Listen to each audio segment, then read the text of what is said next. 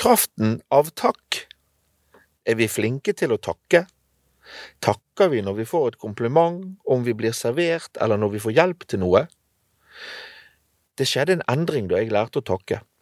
For meg har det å takke blitt måten jeg starter dagen på, ved at jeg takker for det jeg har. Selv om jeg har et veldig definert forhold til hvem jeg retter min takk til, så er det ikke sikkert at du har det, og det er heller ikke det som er viktig. Ved å takke for det jeg har, familien, venner, jobben, hjemmet, opplevelser, utfordringer, gleder, muligheter og andre ting, blir jeg oppmerksom på det gode i livet. I begynnelsen var dette ikke lett. Det var rett og slett litt snodig å skulle ramse opp alle disse tingene. Men etter hvert ble det lettere. Plutselig gikk det opp for meg at ved å takke tilførte jeg livet en helt ny dimensjon.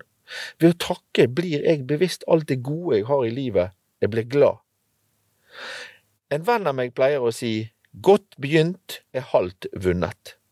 Ved å begynne dagen med å fokusere på det positive, går jeg ut og møter verden med energi.